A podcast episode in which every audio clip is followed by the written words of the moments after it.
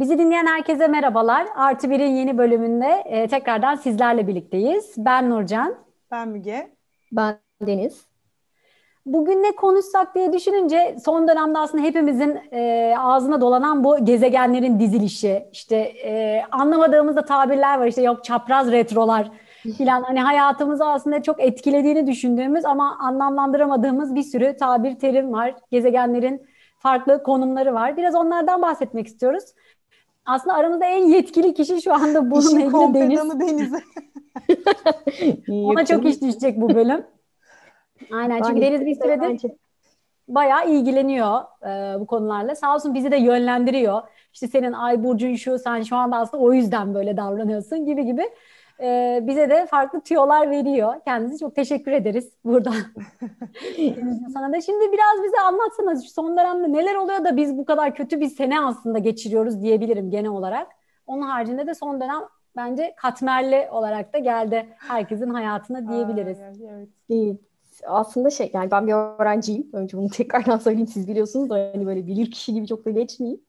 Ee, ama galiba zaten astrolojiyle ilgilenen hani e, en böyle hocaların hocaları bile her zaman kendilerini öğrenci olarak görüyorlar. Çünkü derya deniz bir konu aslında ve e, insana kendisini anlatıyor aslında bu hani geleceği söylemekten çok öyle bir alan.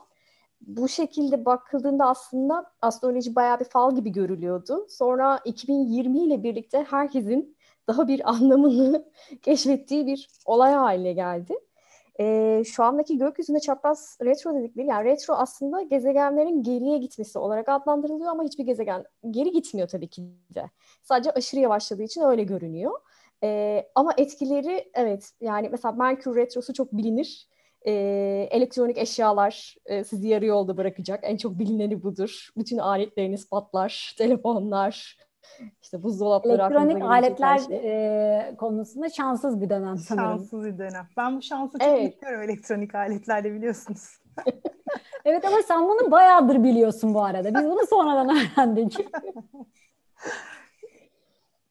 Şu anda yeni işte e, Merkür'ümüz retroya başladı. Yeni başlayan. Yani bu arada ilet sadece aslında teknolojik değil, e, iletişim kazaları da oluyor. Yani hayatınızdaki her türlü iletişimi düşünün. Sadece eşiniz, sevgiliniz babına bakmayın. Buna patronunuz da girer, aile ilişkiniz de girer, arkadaşınız da girer. Her türlü ilişkiniz. E, bunlar da bir e, zorlayıcı. Aslında sorun varsa eğer bunları e, sizin önünüze getiren bir süreç. Yani çözmeniz gerekiyor. Aslında retro dediğin şey e, temelinde bu var. Yani mevcutta çözmediğin bir şey varsa sana onu hatırlatıyor. Gökyüzünün eyvah. aslında buradaki şey bu. Yani Eyvah. kimseyle aslında bir sorunu yok. Senin de hayatının içine edeyim ben şeklinde gelmiyor tabii ki de. Bazıları mesela retro döneminde e, büyük şeyleri yaparlar. E, yani biz mesela seneler geçtiğimiz seneydi de böyle işte yaklaşık bir yıl boyunca e, ilgilenmediğimiz e, şöyle il- bu ev tadilatı vardı ya siz biliyorsunuz işte mesela durup durup durup tam retrodayken başlamıştık. Çünkü artık daha fazla e, duramazsın demeye getirmişti. Yani bu- bunun gibi sizi zorlamasının nedeni bu. E, arkaya attığınız işlerinizi çözmeniz için sıkıştırıyor aslında. E, aynı zamanda Mars da retroda şu anda. O da Koç burcunda retroda. O yüzden Teker teker çapraz gelin iletişim- ya. Teker teker gelin yani.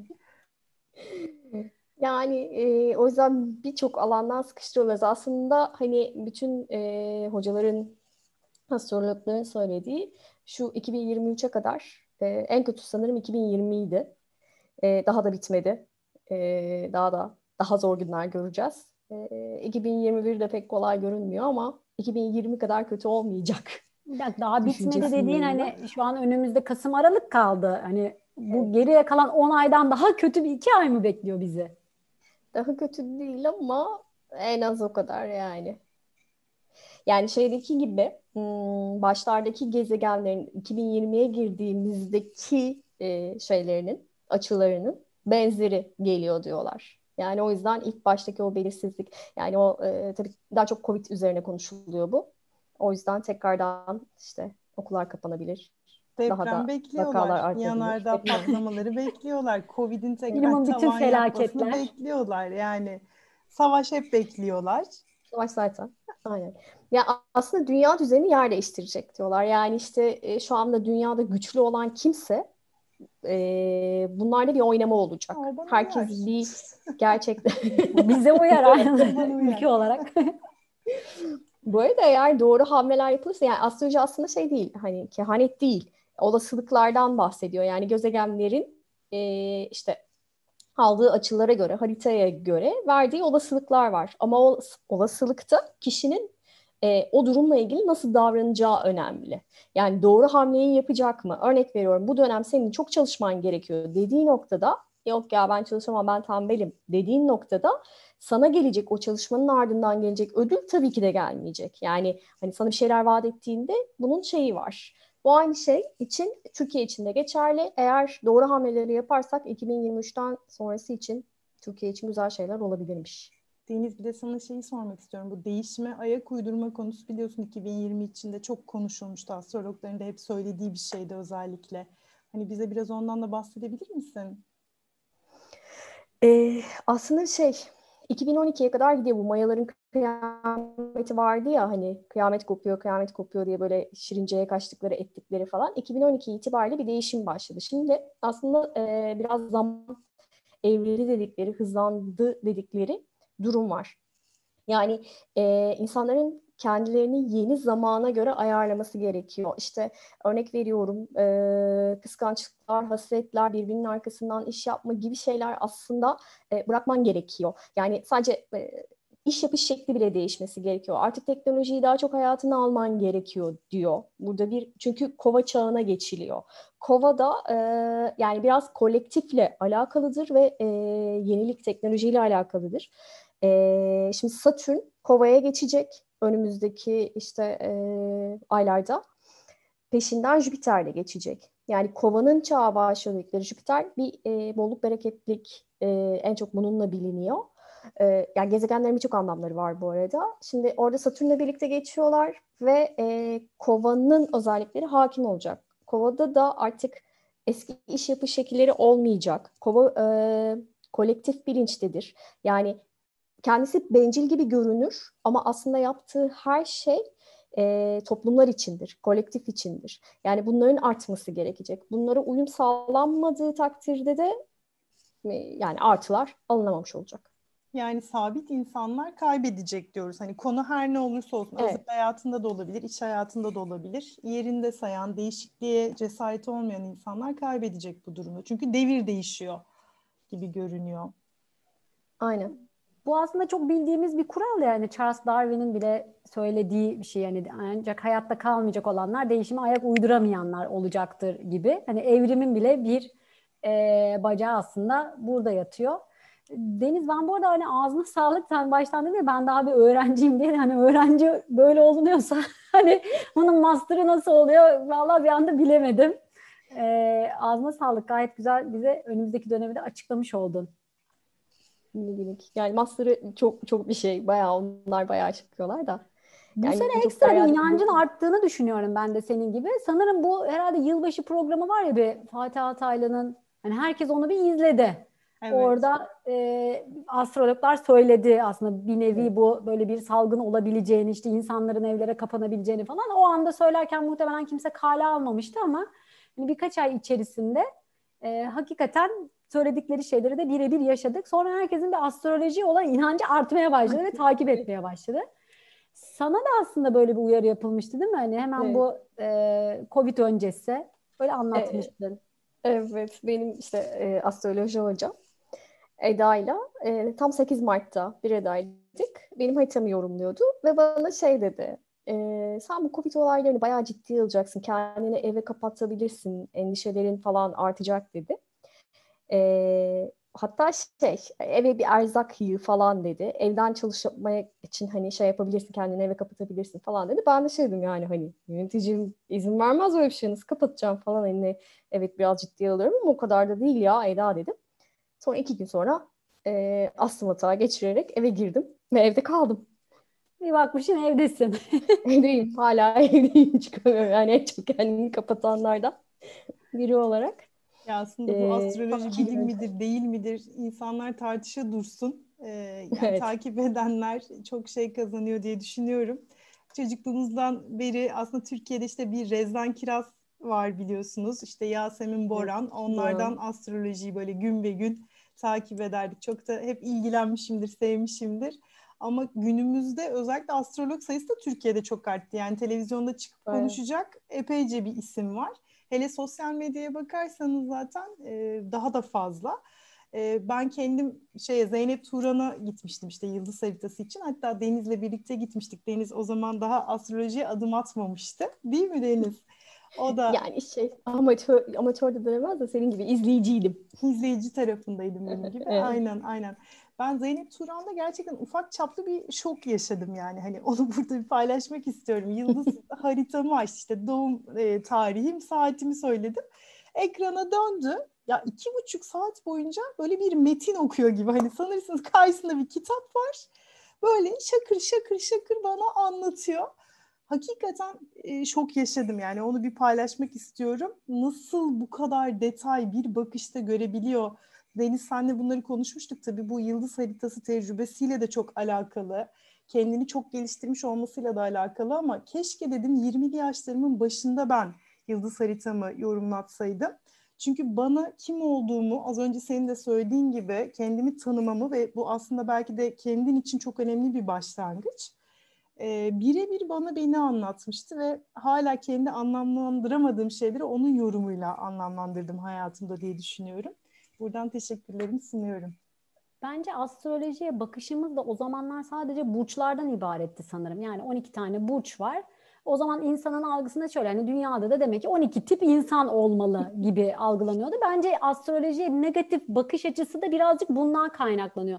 Yıldız haritası kavramı bile biz 20'li yaşlardayken bence bilmiyorduk öyle bir şey olduğunu işte bir doğum haritası çıkarılabildiğine falan. Onlar çok daha sonra Algı öğrendiğimiz. yetmiyordu sanırım Nurcan evet. Yok bence bence bilmiyorduk Yok, ya. insanoğlu yani, olarak yani. Ha bizler. insanoğlu evet, olarak. Evet. evet. Ben yine biz kendimizi yani bizim o kadar da şey yapmayalım diyecektik kendimizi de. Evet. Ben onunla ilgili bir şey sormak istiyorum. Aslında orada bir enteresanlık var. Ee, Uranüs'ün keşfiyle birlikte astroloji aslında şey yapıyor. Yani devrimler olduğu için Uranüs e, ve onu keşfettiklerinde astrolojiyi sarsıyor. Yani o, o da bana çok enteresan gelen bir bilgidir.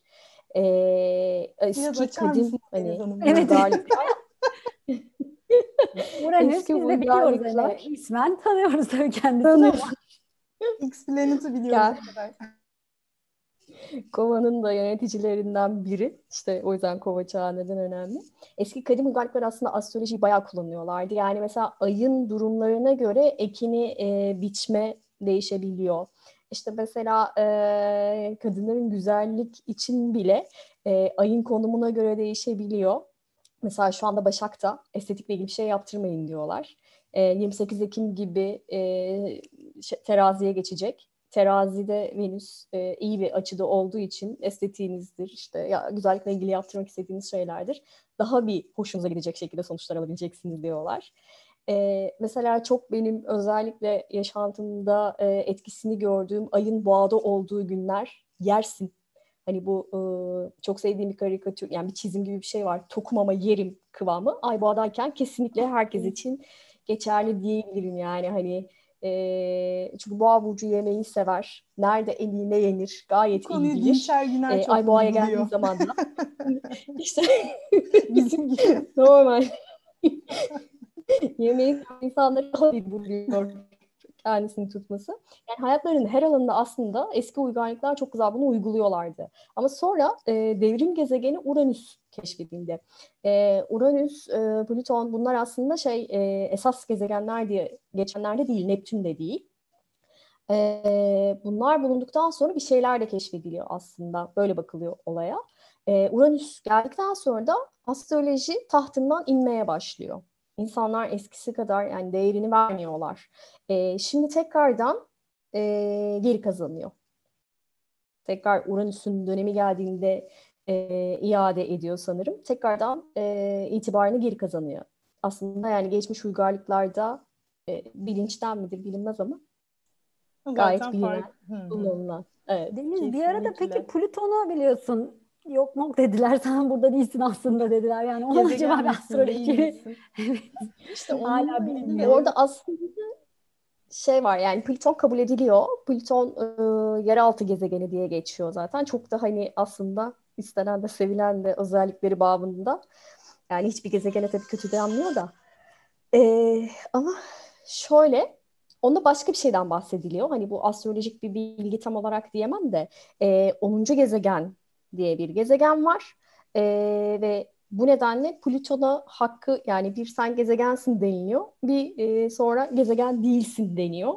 Orada tam bir muallak yok. Şu an için kabul edildiği yıllar. Evet, ilave Ama haritada kabul görüyor. Belki okumuşsunuzdur siz de Sümer tabletlerinde e, 10. gezegende aslında yaşam olduğu aynı dünyadaki gibi e, keşfedildi yani hani yakın zamanda arkeologlar tarafından ve e, bunu işte tamamen Plüton'un gezegen olup olmamasını da buna bağlıyorlar. Yani 10. gezegen açıklanması gerekecek ve bununla ilgili bilgilerin de tüm dünya kamuoyuyla paylaşılması gerekecek ve bunun da beraberinde aslında insanların hazır olmadığı farklı bilgileri de paylaşmayı gerektireceği için e, ne yazık ki örtbas edildiği hala söyleniyor ama çok e, tabii ki küresel ve internet e, yaygınlaşmasıyla birlikte artık küresel ortamda biliyorsunuz bilgiyi saklamak mümkün değil.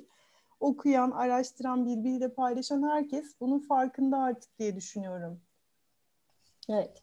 Yani astroloji çevrelerinde zaten kabul görüyor. Etkileri e, oldukça hissediliyor. E, diğer kısımda hani bu kabul görmemeyle ilgili de Müge'nin dediği gibi Sümerlere dayanıyor yine. Birçok şey var aslında orada Sümerlere dayanan ve bizim bilmediğimiz binlerce tablet var değil mi? Belki çok daha fazla yani hani burada o dönemde yazılan tabletler var. Ee, yani astroloji bilim mi diye ve çok tartışılıyor ama bence ilk bilim gibi geliyor bana. İnsanlar çünkü ilk başta gezegenlere bakmaya başlamışlar yani onları yorumlamaya başlamışlar. İşte bir şekilde yani hava durumundan tutun da hani her şeyi tahmin etmeye başlamışlar. Bir nevi istatistik aslında. Hani burada ne olunca ne oluyor yani sebep sonucu hani baktıkları zaman bunları tutunca da hani bir sonrakine geldiği zaman hani bu sıralamada ne oluyor tahmin etmeye başlamışlar. O yüzden hani bana göre tabii bence ilk bilim gibi düşünüyorum ben insanoğlunun e, ilgilendiği.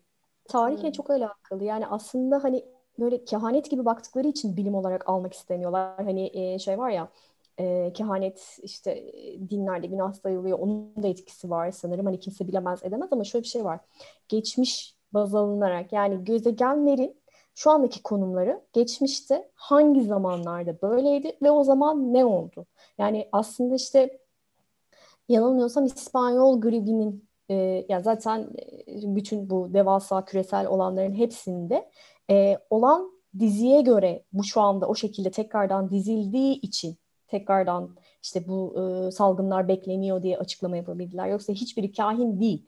Gezegenlerin durumu daha önce ne olmuştu ve o zaman hangi olaylar yaşandı? Bir nevi istatistik işte değil mi? Çok, Aynen. Aslında hani Aynen. derler ya kendi tarihine bakamazsan geleceğini de doğru yorumlayamazsın. Biz sanıyorum çok daha kısa kesitlerde bakıyoruz tarihimize. Sadece çok daha uzun kesitte insanlık tarihine bakmak gerekiyor belki daha doğru yorumlayabilmek için. Keşke Kesinlikle hani kendi hani böyle ülkelerin tarihlerini falan okuyoruz ya keşke insanlığın tarihini de bize okutsalar. okutsalar. Belki o zaman Çok daha, anlamlı önemli. gelebilir. Aynen hocam. Bana hep şey gibi geliyor hani ben... bu astrolojinin ilk başladığı topluluklar zaten çok yüksek medeniyet seviyelerine erişmiş topluluklarmış. Sonrasında ne yazık ki ne olduysa artık hani genetik kodlarımızdaki o işte adaptasyon ve bozulmalar ve nüfusun artmasıyla biz geriye gitmişiz.